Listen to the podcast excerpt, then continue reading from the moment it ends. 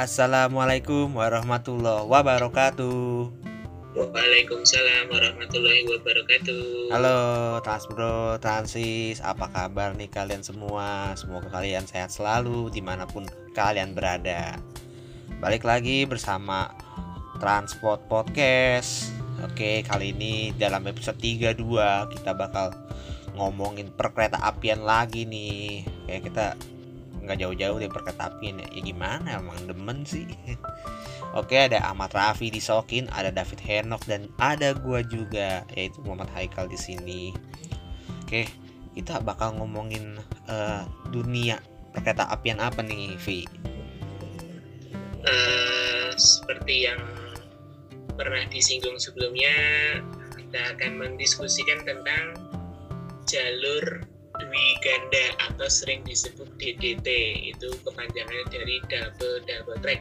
Ya. Yeah siap tuh nah perlu kalian ketahui uh, eh, DDT itu proyek besarnya kereta api ya apalagi di daerah Jakarta dan uh, sekitarnya sebenarnya proyek DDT ini sih proyek yang hitungannya masih baru ya dan kita tuh pada tahu sendiri ya uh, rel-rel kalau kita naik KRL ke Bekasi itu pasti relnya ada empat gitu.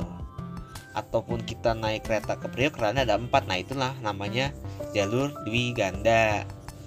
Itu nah yang sekarang lagi dikonsernin ini adalah uh, jalur DDT yang ke Bekasi itu. Nah jalur DDT itu kan dari mana Vi? Double double track itu proyeknya itu mulai dari stasiun Manggarai, hmm. kemudian lanjut ke Jatinegara, beruntung ke, ke X Cipinang, Klender, Buaran, Klender Baru, Cakung, Keranji, Bekasi, Bekasi Timur, hmm. Tambun, Cibitung, Midland Telaga Murni, dan yang terakhir Cikarang. Nah itu tuh. Kita bakal ngulik-ngulik uh, lebih dalam nih kayak gimana sih proyek DDT itu. Dan juga sejarahnya jalur uh, proyek DDT itu kayak gimana juga. Oke kita tanya aja langsung David Henok. Gimana nih Nok? Oke menurut Ibu Ana Purba selaku Corporate Communication dari PT KCI DDT sendiri merupakan proyek yang telah dirintis 17 tahun yang lalu. Anjir, lama. Nah, dan baru selesai pengerjaannya sampai stasiun Cakung itu 2018 tapi sih di website Depo tuh diharapkan selesai sampai Cikarang tuh 2018 cuman karena kebanyakan pembebasan lah karena pembebasan lahannya si Raga Alot jadi baru mentoknya sampai Cakung aja. Nah langsung nih bahasan udah menarik nih. Mulai dari leletnya si pembangunan tuh udah bikin kita lapar nih buat ngebincang-bincangin nih oke. Monggo nih Vi lu kan pernah ke Bekasi. Nah tuh gimana tuh? Pas beberapa kali kayak lu hunting ke Pancong terus kayak ke mana Cikarang kali atau gimana itu dari tahun ke tahun tuh gimana uh, bentuk perubahannya? Kalau untuk hunting-hunting di sepanjang jalur DDT itu gua mentoknya tuh baru sampai Bekasi kok Cikarang belum jadi oh, iya. perubahannya tuh ya kelihatan banget gitu ya tadinya kan untuk yang Bekasi ya yang Bekasi yang perlintasan PCL nomor 81 itu kan dulunya lahannya tuh kebun pisang lebat banget gitu lah kebun oh, pisang, pisang ya? yang lain-lainnya gitu hmm. nah menjelang proyek DDT dimulai itu mulailah dibabat jadi lahan kosong. luas itu lahan kosong dan di dekat belakang bekas kebun pisang tuh ada rumah-rumah warga gitu rumah-rumah padat gitu. Mm-hmm. nah dulu tuh tanahnya agak turun itu yang samping yang sekarang jadi jalur DDT yang baru itu. Setelah ini ya apa jembatan Bekasi ya? Itu menjelang sungai menjelang sungai kok dari arah oh oh tugu tugu tugu ya tugu.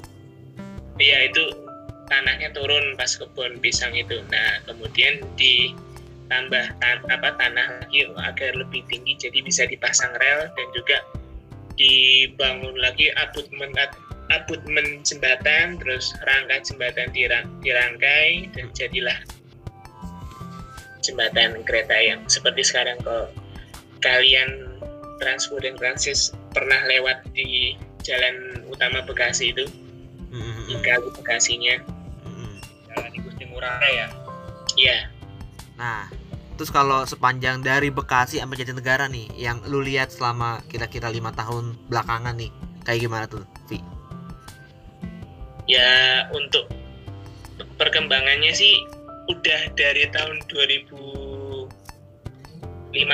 ya itu udah mulai dipasang rel tapi untuk pembebasan lahan kan udah dari lama banget 2008 atau 2007 gitu lupa gua Oh, segituan. antara itu soalnya set- lihat di YouTube tuh udah mulai tahun segitu 2007 2008 terus pembangunan jembatan BKT itu banjir kanal timur. Terus Mm-mm. kalau untuk pemasangan rel itu baru 2014-15 Mm-mm. dan itu nggak bisa langsung semua karena ada beberapa lahan yang masih belum dibebaskan. Jadi lama prosesnya. Makanya kan dari 2015 baru terrealisasi tahun 2018 itu pun aktifnya hanya Jatinegara sampai Cakung Iya. Nah, ini menarik juga sih. Kenapa cuma sampai Cakung gitu? Dan ternyata gua kira ya eh, DDT itu cuma bikin rel doang. Ternyata sepaketan sama stasiunnya ya kan? iya betul Nah, itu tuh. Itu lu ngerasain gak sih, Vi? Eh, kayak stasiunnya tuh tiba-tiba kan kalau sekarang kita naik KRL tuh eh, stasiunnya jadi peron pulau ya, bukan peron samping-samping ya. Betul Lu ngerasain gak sih kayak eh, relnya dibelokin gitu? Iya, untuk yang jalur satunya ya, yang Iya. jalur yang paling selatan dekat jalan raya itu jadi lebih dipepetin gitu pas masuk stasiun itu. Kenapa dibikin peron pulau? Mm. Inisiatif dari DJKA itu agar mengurangi aktivitas nyebrang menyeberang rel kereta api untuk keselamatan juga. Oh iya, biar sat- numplek satu itu ya, satu titik ya. Iya di satu peron aja. Jadi kalau misalnya peron yang lama kan yang kanan kiri terus relnya di tengah Heeh. itu riskan sekali kalau untuk nyebrang menyeberang apalagi di sana kan eh frekuensi keretanya tuh padat banget Iya, akan campur sama KAJJ yang jarak jauh. dan itu kenapa alasan DDT dibuat Mm, benar-benar untuk memisahkan. kereta api jarak jauh baik itu kereta penumpang kereta barang kereta dinas dan juga KRL komuter. Itu jadwalnya banyak sekali. Heeh, jadi kalau emang cuma mengandalkan double track aja itu kurang. Makanya DJKA dan pemerintah menginisiatif untuk membangun proyek double double track atau jalur dwi ganda. Heeh, dan juga kalau pandangan gue ya, eh, pemerintah juga eh, berpihak kepada hal-hal komuter gitu loh, karena emang Iya. itu kan perlu banget ya. Jadi ya kita harus bagi dua nih, mau nggak mau jangan sharing. Karena kalau sharing ya bentrok dan juga ya eh, penumpang nggak keangkut lah istilahnya gitu. Dan ngomongin stasiun juga ya, eh, gue kan sama Heno kuliah di Kerawang dan selalu lihat Blue Line. Dari Yo. 2018 tuh ya gue merasakan banget sih. eh, stasiun itu di- dibangun, peronnya dibikin peron yang sementara. Terus apa tiba-tiba relnya dibelokin lebih mepet sama tembok gitu. Kayak misalnya dulu tuh gue ngerasain di eh, Klender. Terus udah gitu Buaran baru yang sekarang nih. Terus Buaran mang eh, masih saat itu masih di stasiun lamanya ya. Ya nah terus eh, Untel. Keranji Cakung gue nggak inget sih. Itu kayak pokoknya di situ lagi, lagi- pokoknya di tiap-tiap stasiun-stasiun itu berantakan dah gitu Mm-mm. Nah, kalau lu gimana Nok? Lu kan orang Bekasi, tau lah. Eh, sama pengalaman gue ya waktu pembangunan di DT sendiri nih kalau misalnya kita pulang naik lokal nih kan tahu sendiri kan stasiun Tambun kayak gimana Ya, itu dia, ya ya. nah kita tuh waktu naik lokal tuh kan lu sadar gak kal kita kan sering masuk jalur jalur paling ujung tuh Heeh. Tambun.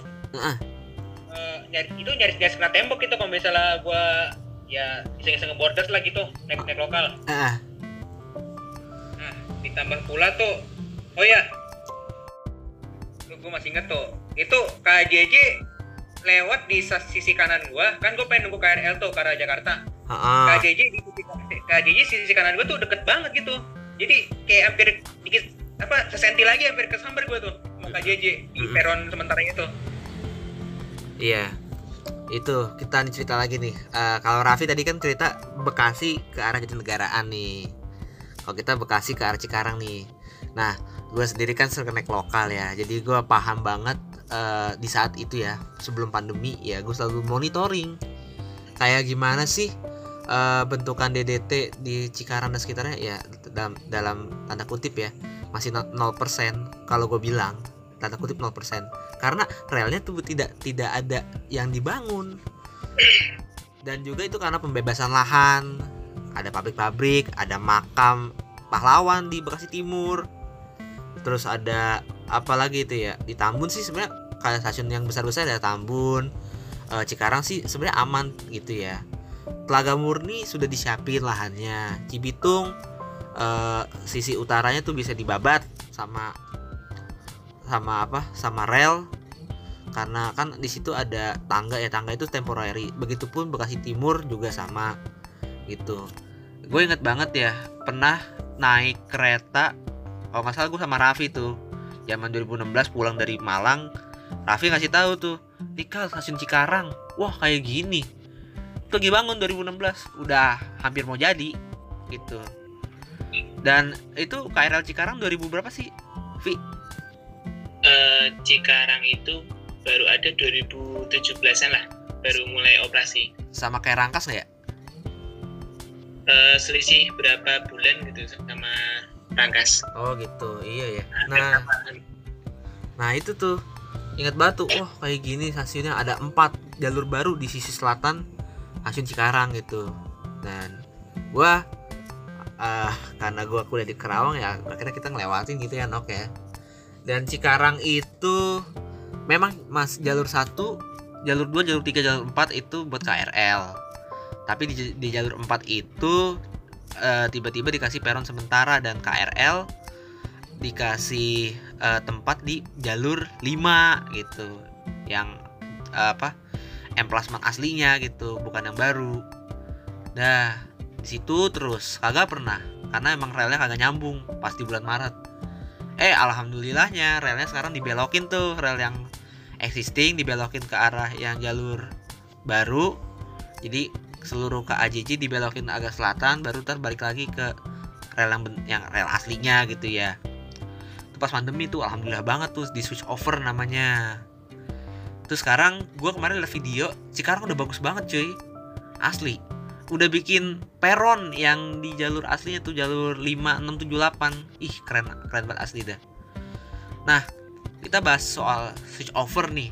Kira-kira menurut Luffy eh pemindahan apa yang bakal dilakukan di DDT di petak mana aja deh kalau menurut lu? Eh, untuk DDT ya kan berhubungan sekarang kan baru dari yang benar-benar double double rank full kan dari Jatinegara sampai Cakung. Mm-mm. operasi itu. Ya yang masih proses itu kan Manggarai Jatinegara. Tapi yang Manggarai Jatinegara itu sudah dialihkan ke jalur baru. Ya benar. Jalur existing atau jalur lamanya itu dibuatkan untuk eh, menanjak ke lantai tiga untuk pelayanan kereta api jarak jauh. jadi Nantinya kan elevated ya? seperti yang diketahui kan stasiun Manggarai bakal menjadi pusat layanan kereta api di Jakarta. Jabodetabek aja di Jabodetabek tepatnya di Jakarta. iya. Benar-benar Semua pemberangkatan untuk kereta api bandara, kereta api komuter lain, kereta api jarak jauh itu nanti bakal dipusatkan di stasiun Manggarai. benar. Nah, untuk sekarang terakhir itu perkembangan DDT untuk Manggarai Jatinegara itu sedang pemadatan tanah. Iya iya benar. di jalur yang lama. Lagi ada paku bumi juga kayak mau bikin tiang Iya. pancang tuh yang panjang untuk tanjakan ke lantai atas. ah Manggarai. iya iya benar-benar Terus Nah. kita bergeser lagi ke bekas ini tempat kenangan banget di Lokomotif Jatinegara. Beuh, benar itu dia Itu karena terimbas oleh proyek DDT, makanya jalur yang dari arah Pondok Jati, Pasar Senen, Kemayoran itu digeser melewati trase jalur Dipo yaitu tepatnya di bagian maintenance atau di oh untuk ketika lokomotif tidak dinas. Jadi sisi utaranya Jatinegara itu buat jalur ini ya Bogor Jatinegara ya. Dia Iya. akan nerobos si depo itu ya, baru dia lurus Ya, gitu. area depo. Oh gitu. Lalu jalur yang kan ada empat jalur tuh ya, yang aslinya dua ke arah kiri ke arah Manggarai, dua ke Pondok Jati. Nah berarti nanti Iya. jadi kira-kira ada enam dong ya di situ. Ya rencana 6 jalur. Berarti Dan setelah itu bergeser ke stasiun. Kan seperti yang Haikal sama Henok pernah naik kereta kan terakhir kan stasiun Jatinegara itu masih amburadul. wah kan, iya asli asli. Ada belok-belok, itu tuh belok-belok iya, gongsol. Ada Wah, bongsol di penyeberangan. iya iya. Asli bener-bener. Nah itu nanti kalau trase yang bekas depo itu udah bersih, udah dibangun jalur yang dari arah Pondok Jati, Heeh. itu nanti bakal lurus semua jalur. Kan juga satu dua kan juga masih belum nyambung kan sampai sekarang itu. Belum, belum balik ke asal lagi ya, isi ibarat kata Iya. gitu ya.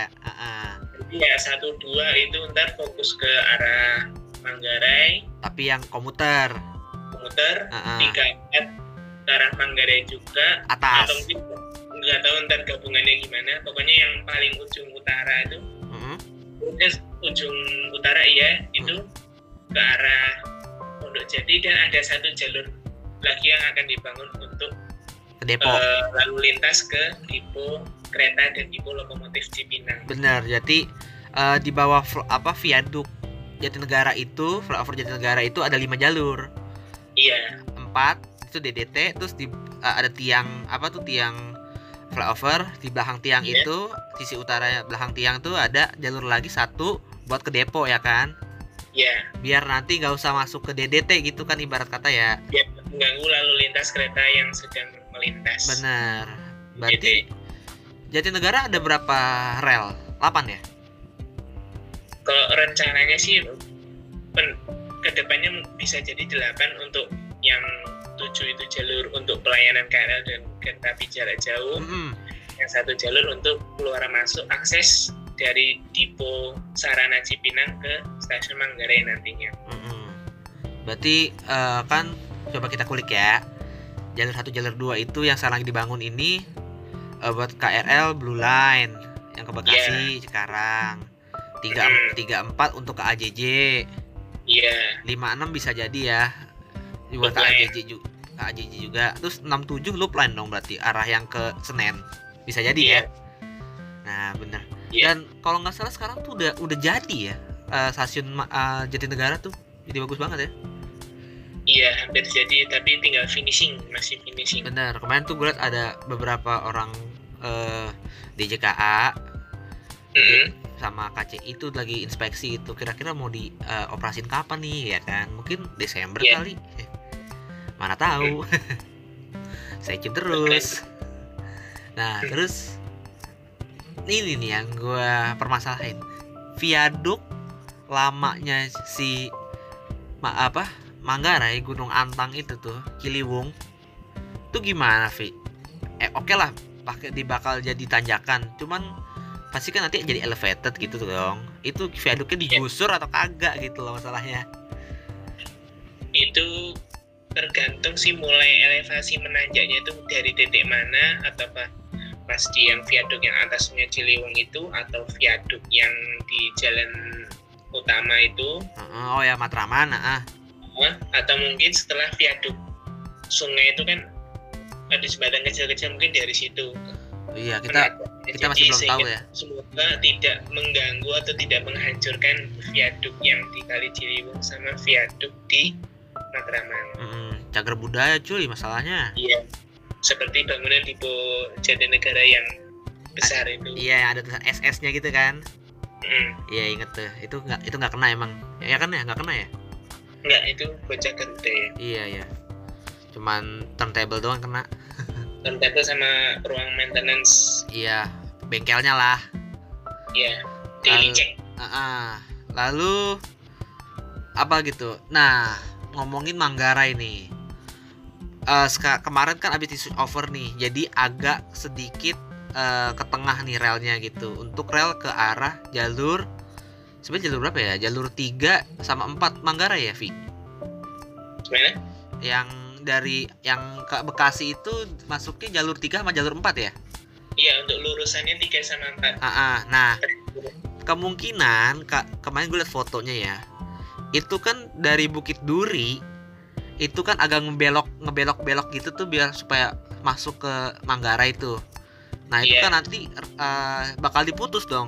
Rel yang ke mana? Ke dari Bogor. Ke Bogor itu bakal diputus dan jadi naik dong. Nggak usah dibelokin gitu. Iya. Naik jadi kan lurus gitu ya. Jadi kan eh, kereta dari arah Bogor atau ke Bogor red line itu di atas ya KRL. Iya. Nah, Iya. DDT-nya ternyata juga sampai Cikini cuy. ya kan? Iya Itu dia masalah. Ada DT PP DT PP Cik- Cikini berarti flyover dilebarin dong. flavor Iya mana? Flavor, baru lagi flavor itu Ci- Ciliwung. Itu yang pokoknya naikannya ke Cikini terus sampai Gambir. Ya emang ada flavor baru lagi. Dibikin jalur baru Bukaan baru Terus juga itu yang jalur yang ke Tanah Abang dikangkangin sama dua tiang gitu, pakai portal Iya. pier. gitu. Jadi ntar nyambung setelah si Cikini. Berarti nanti si Cikini bisa jadi ada ruang PPKA dong. Ya, PAP PAP. Eh, Kalau untuk Peron itu PAP Kalau yang pengawas pengatur jalur itu PPKA oh gitu, oke. Gua kurang tahu Jadi sih. Kan nih gue masih serius nih sama Manggarai nih berarti kan apa itu dua tingkat ya masalah jadi ya Manggarai Tiga.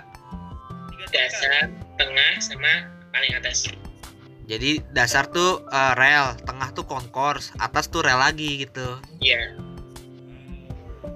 Itu Jadi ntar yang, yang tingkat ketiga itu nyambung sama flyover itu dong flyovernya Iya Cikini ya itu buat gitu, buat Itu ini. jalur Bogor Iya Bogor, Bogor. Itu. Nah, itu ntar kena nggak tuh si apa underpassnya apa Manggarai Vi? Kena juga nggak? Nggak ya? Kan di sampingnya udah dibuat pilar baru kan Untuk yang jalur Bogor Oh gitu. Gue kurang kurang begitu paham sih. Udah lama ke Manggarai masalahnya. Ya gue juga sama nggak pernah ke sana Iya. lagi sebenarnya. Nah, gitu. Covid itu Iya. Kan terakhir pas bulan April ya. Naik kereta. Maret. Maret ya. Akhir Maret. Nah tuh. Gue juga sama tuh Vi. Gue biasanya monitor DDT tuh ya. Oke kita balik lagi. Tadi kan udah bahas jadi negara. Kita balik lagi nih ke Bekasi nih. Ya. Kalau menurut gue ya switch overnya itu akan ada di DDT ini Manggarai sampai Cikarang ada kira-kira ada berapa ya?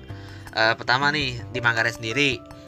Terus di Jatinegara eh Cakung sebenarnya itu cuma sementara ya Cakung ya. Iya. Lalu di Bekasi.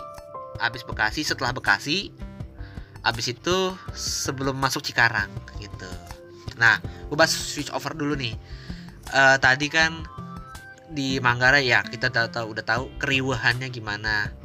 Rel Iya. yang jalur 3 jalur 4 itu eh, bakal lurus lurus ke arah yang jalur baru nih yang ada stasiun Matraman nih ya kan Iya sebenarnya tuh elevated juga sih jatuhnya ya karena Iya. pakai tiang. nah, terus eh, jalur yang Bogor lewat bawah itu pasti bakal dihancurin dan dibikin tiang di situ tuh untuk jalur dari arah Jatinegara ke Manggarai via atas kemungkinan besar Iya. tuh. Kalau lihat layoutnya itu sangat berubah total, abis, ya kan? Dan juga kan Manggarai punya wesel banyak banget kan Vi ya, itu juga ribet Iya. kan? Nah, itu sih gua rasa ya gua rasa layoutnya sangat berubah dan gua rasa nih jalur Bogor tuh bakal emang naik lurus cuman disisain jalur eh, ke arah Depo Bukit Duri di bawah tuh di bawah itu pasti isinya Depo Bukit dari Depo Bukit Duri ke Balayasa sama eh mungkin dari Bogor ada dua juga gitu tapi lewat kan sisi kanan sisi kirinya eh si tanjakan ke elevated itu buat yang red line ini buat yellow line nih. Itu pasti Mhm. gua rasa sih lewat bawah tepat di eh, peron sebelahnya railing. Railing tuh jalur berapa? 9 ya? Sekarang tuh 910 Railing. 10 nah eh, oke. Itu kan Manggarai juga punya benda cagar budaya yang peron 12 itu ya Vi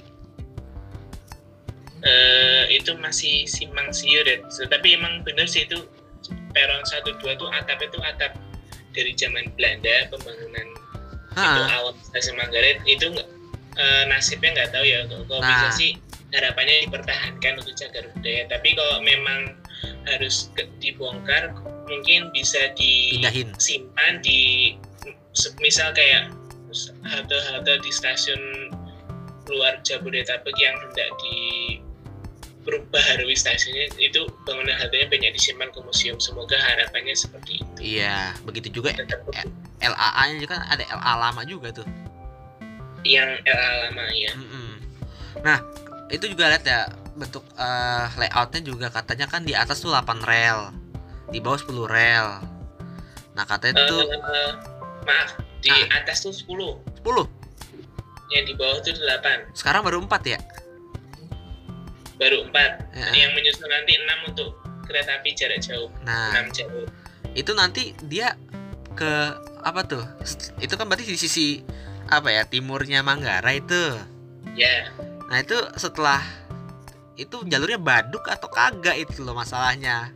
harusnya baduk ya kan karena di de, Cikini kan udah ada yang turunan yang seperti yang sekarang Ya, makanya. untuk Iya. Bogor Bekasi dan KCC itu Heeh. rencananya sih baduk kalau misalnya nggak batuk ya berarti di sisi timurnya apa tuh Sungai Ciliwung tuh juga bikin itu lagi dong apa eh, jembatan sama kayak sisi baratnya.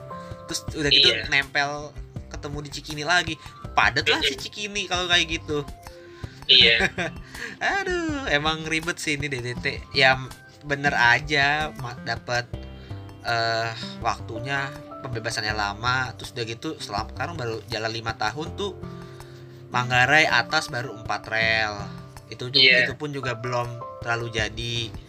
Lalu baru sampai Cakung. Terus eh, pembebasan lahan ke Cipi eh Cipinang ke Cikarang juga belum gitu. Wah. Ya emang bisa mas 10 tahun ini sih gua rasa. Ya Ah. Ingat gue tuh lepas cakung tuh bukannya udah rel lagi tuh. Ada. Apa, maksudnya tuh di Keranji ya singkat gue. ada ada ada. Udah di udah dibikin kemarin kan sempat pembebasan lahan tuh ada yang nolak gitu di pas habis flyover. Sekarang udah diterabas. Itu kan- itu kan eh, rel Wesel masuk Cakung tuh hanya sementara no makanya ntar di- diubah lagi jadi lurus nggak ada Wesel. Ada Wesel masuk stasiun Cakung tuh. Yang kan Cakung ada empat gitu. Terus juga tuh yang kemarin kita lihat apa yang yang sering kita lihat lah kalau misalnya naik lokalan pulang tuh. hmm. Bekasi stasiun Bekasi. ya pembe- Pembebasan itu ya? Nah, ini nih yang gue mau bahas nih. Jadi dari Keranji ke Bekasi itu eh, rel KRL bakal dibelokin juga, Nok. Dibelokin ke sisi selatan. Karena kenapa? Kalau nggak salah gue denger dari Raffi tuh ada kasus sengketa lahan ya, Vi, dekat flyover Iya, yang Sumarekon sampai apa PUK PUKRL Bekasi ya. Iya PUK-nya. Nah, ya itu tuh PUK sekarang PUK-nya kan dibagi dua kan. gimana? Emang iya? Jadi nggak sampai full sampai barat, Oh iya. Tengah-tengah dikasih pagar beton. Ah, ah, terus ada jalur lagi kan sama kayak Iya. kayak peron gitu tapi kosong isinya alang-alang Iya. Ah, ah. nah itu jalurnya tuh bakal di dibelokin jalur KRL yang ke arah eh, timur itu bakal di- dibelokin ke sisi selatan itu gue inget banget zaman-zaman sebelum covid maret gue inget ini apa nih? Kok ada lahan kosong? Kira satu rel bisa nih pasti mau dibelokin. Nah udah gitu gua rasa ya LAA itu bakal ya membentang eh, mengangkangi ya bahasanya alay banget ya mengangkangi empat rel gitu. Jadi empat relnya na, na- apa tuh? Nempel gitu. Dekat berdekatan kayak rel yang apa tuh? Kemayoran Raja Wali itulah. Iya. relnya kan deket tuh kayak gitu. Iya. dan itu sih sejauh ini gue masih belum tahu lagi sih videonya kayak gimana. Karena emang gue nggak udah nggak naik KRL lagi sekarang. Takut. Rawan terpapar. iya eh. Skip banget dah. Nah terus eh waktu pas gua sebelum covid ya Maret itu juga sama nih eh, set- apa tuh setelah stasiun Bekasi relnya sedang lagi dibangun gitu. Begitupun rel-rel yang di jembatan dibikin bantalan kayu sampai ke apa tuh pancong tuh 81 udah nah gue gue di situ mikir ini pasti rel existing bakal dibelokin ke rel yang baru nih di pancong gue bilang gitu. Gue mikir gitu tuh. Nah ini pasti switch over nih. Nah rel yang eh, jembatan lama itu pasti bakal dilurusin lalu belok gitu ke rel baru untuk ke AJJ dan itu kapannya gue nggak tahu. Begitu juga switch over yang ada di eh, Cikarang. Cikarang itu kan kalau nggak salah juga sebelum masuk Cikarang eh, ada itu ya kali juga sama kayak Bekasi. Iya. Nah itu agak belok kan jalurnya. Pas zaman gua sebelum covid tuh Maret gua naik lokal Itu emang lagi di- mau di apa Wesel gitu. Dan ternyata sudah ada satu Wesel eh, Yang dibangun di situ. Dibangun tiba-tiba Wah udah ada Wesel aja nih Buat KRL Dan ternyata eh, sudah di switch over. Jalur ke AJJ itu Jadi eh, punyanya jalur si KRL eh sorry. Jalur KRL dipakai sama KAJJ jadi KAJJ tuh ngebelok nggak lurus gitu. Karena yang lurusnya lagi dibangun. Nah kemungkinan besar juga sama Eh, jalur yang lurus yang jalur 56 itu itu bakal dilurusin sampai setelah kali Cikarang. Lalu terbelok gitu sama kayak Bekasi gitu. Masuk eh, dilurusin sedikit lalu dibelokin ke jalur baru. Nah kalau yang jalur KRL-nya dilurusin langsung belok ke masuk ke jalur lama gitu. Wah itu gua rasa switch overnya ribet sama kalau nggak salah tuh apa Vi? Yang setelah eh, Cikarang tuh ada inian. Sebelum sebelum flyover tuh itu buat sipur simpan ya? Iya untuk PUK. oh PUK Cikarang berarti. Iya. Nah iya tuh. Itu juga masih belum tahu tuh kelanjutan dari jalur 1, 2, 3, 4 Nantinya kalau udah jadi itu bakal dimasukin ke PUK nya gimana kita belum tahu gitu. Belum mikir juga gue ke sana Jadi switch overnya banyak tuh Apalagi jadi negara kan sekarang lagi belang bonteng Tapi Iya. udah apa ya Udah ini sih Kata gue udah mulai rapih tinggal ngerapihin sebelum masuk Jatinegara sama sus- uh, sesudah masuk Jatinegara gitu. Iya. Nah, kita ngomong stasiun Bekasi. Kemarin kan ada ini ya, Vi. Apa tiba-tiba ada uh, peninggalan tuh. Iya. Itu Mm-mm. itu bisa lu kasih tahu nggak tuh apaan? Ya itu kayaknya setelah dibongkar itu nggak tahu nggak dilanjut lagi mungkin karena mungkin untuk agar tidak mengolor-ngolor waktu proyek dari revitalisasi stasiun Bekasi tersebut jadi mungkin tidak dilanjut lagi. Kayaknya ditutupin lagi gitu ya sama peron. bangunan ruang bawah tanah bisa jadi ya Iya. Nggak tahu juga sih. Nah, terus gue itu pernah berbincang sama Ahmad Rafi ya. Eh, Bekasi ini kemungkinan besar bakal abis-abisan nih Vi. Eh, dirombak rel yang aslinya, re- rel jalur 1 2 3 4 ya kan? Yang sekarang kan 5 ya, lagi dibangun 5 6 7 8.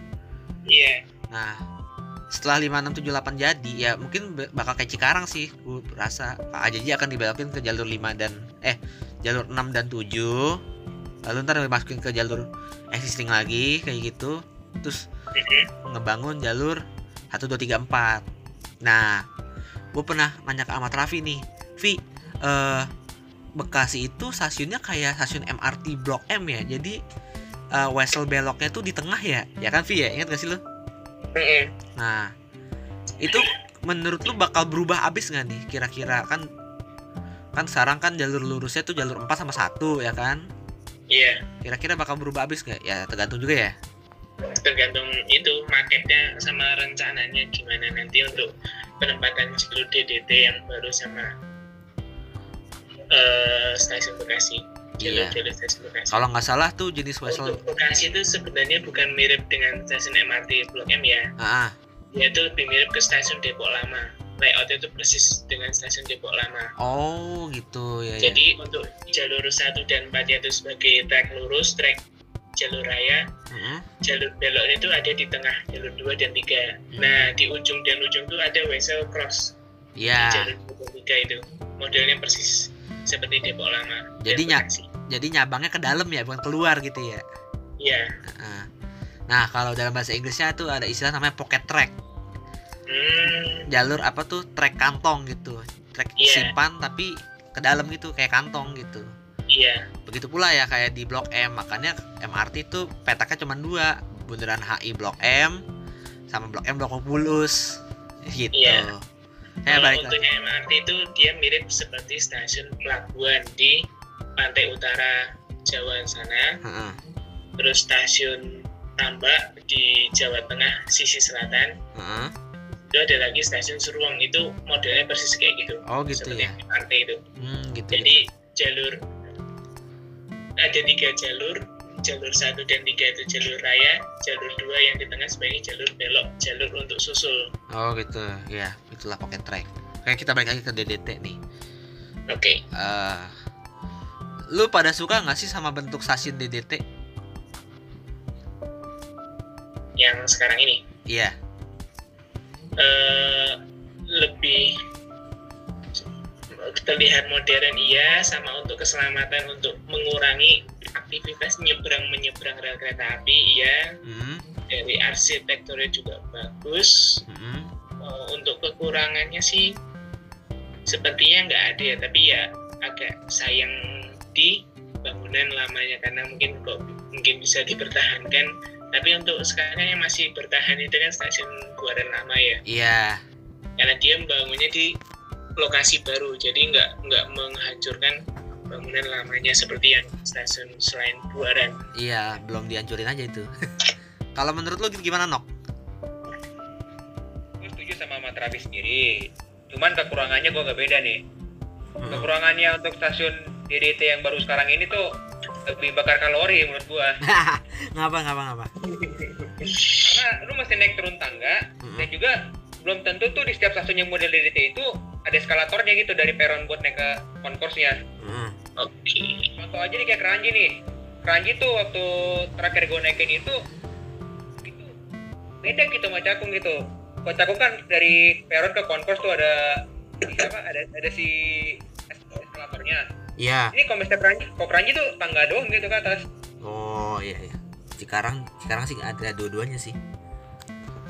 Nah kalau gua eh, terhadap stasiun ya, gua kulik eh, kalau hal positifnya sih sama kayak Mat Raffi sih.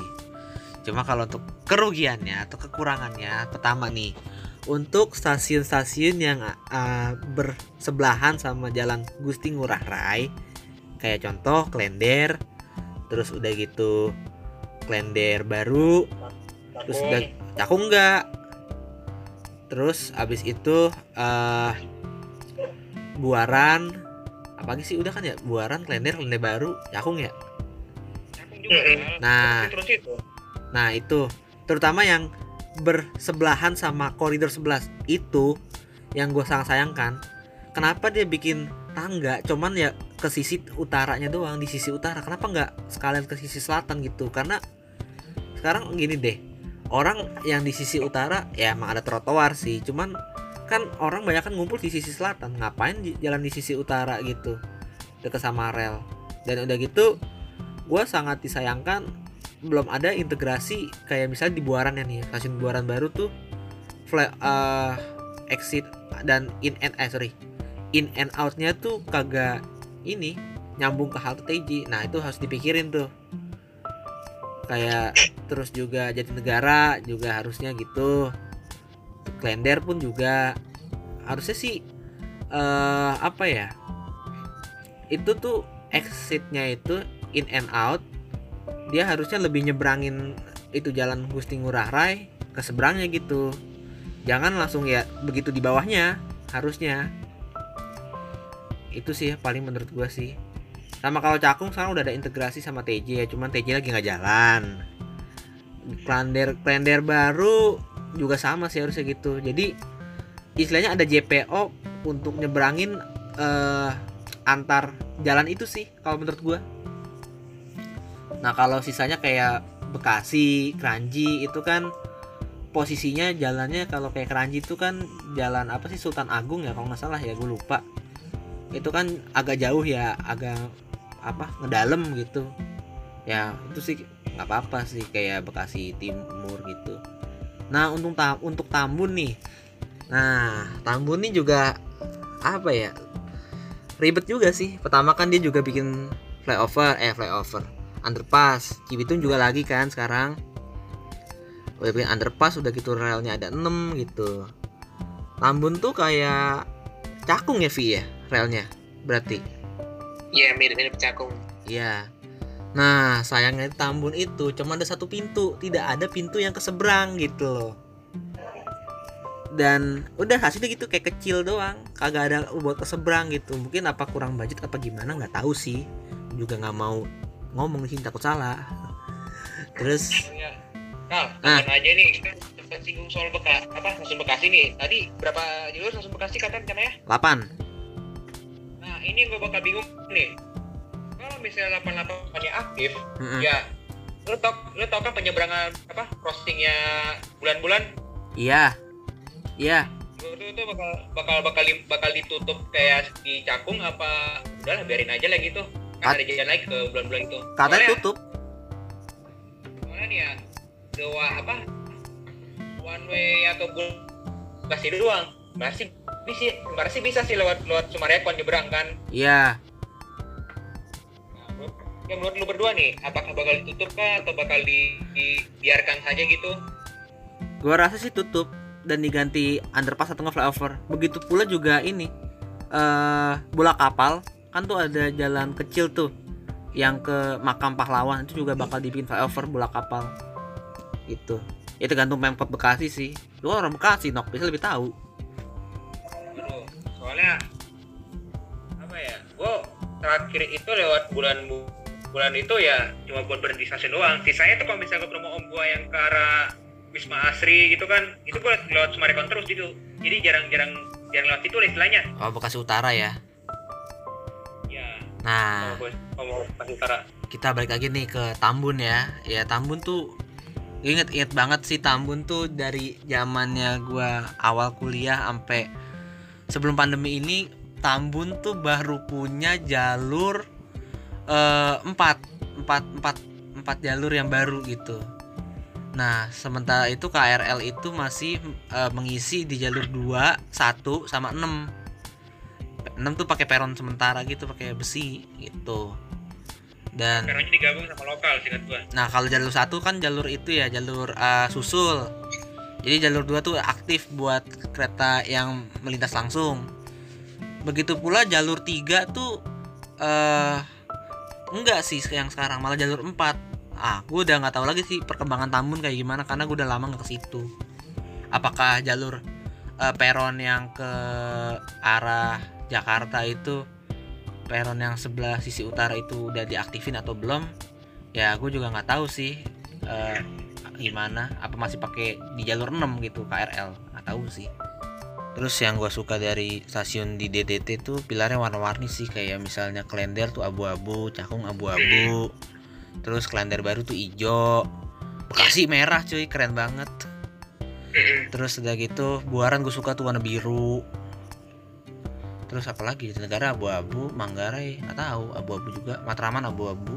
Nah untuk Matraman nih lucu juga sih bentuknya ya Vi ya. Nggak ada atap di atasnya ya. Dia malah di bawah konkorsnya ya. Heeh. Dan itu jenisnya namanya stasiun tipikal katanya. Di mana uh, dasar terus di atas konkors di atas tuh eh peron gitu loh. Sama kayak stasiun MRT, LRT dan segala macem gitu. LRT Jabodebek ya bukan LRT eh, Jakarta. Nah terus udah gitu menurut gua Matraman jadi spot yang bagus sih untuk kita nyepot eh, kereta sama kota. Karena tuh langsung disambut gemerlap kota Jakarta. Asik gila. Oke mungkin bahasan soal DT DDT tuh segini aja kali ya Vi ya? Kayaknya udah lengkap banget sih lumayan. Mm-mm. dan ini sesuai dengan perkembangan saat ini lah ya. Kita nggak tahu ntar 2021 2002 dua kayak gimana. Ya stay tune aja sih kita mah. Iya. yang penting mah gua kuliah beres bisa pep kalaupun eh, DDT dipanjangin sampai Cikampek gue juga mau deh. Biar tra- Cikampek ya kalau iya. Biar trafficnya tuh eh kagak macet gitu. Kan siapa tahu Lokal, gitu. lokal. siapa tahu lokal walahar tuh ada dari Purwakarta sampai sampai mana? Pasar Senen tetap eh sampai Tanjung Priok tetap ada cuman berhentinya dikit-dikit gitu. Berarti apa ya eh, KRL dong KRL limited X limited express gitu kan KRL Jakarta Kota Cikampek dong gue maunya E27 Eh, Buset deh pakai itu. ya, ya kalau harapan gue sih DDT bisa sampai Cikampek lah. Sampai Kerawang dulu nggak apa-apa. Terus karena kan Kerawang juga potensinya gede untuk mau banget sih katanya Bu siapa?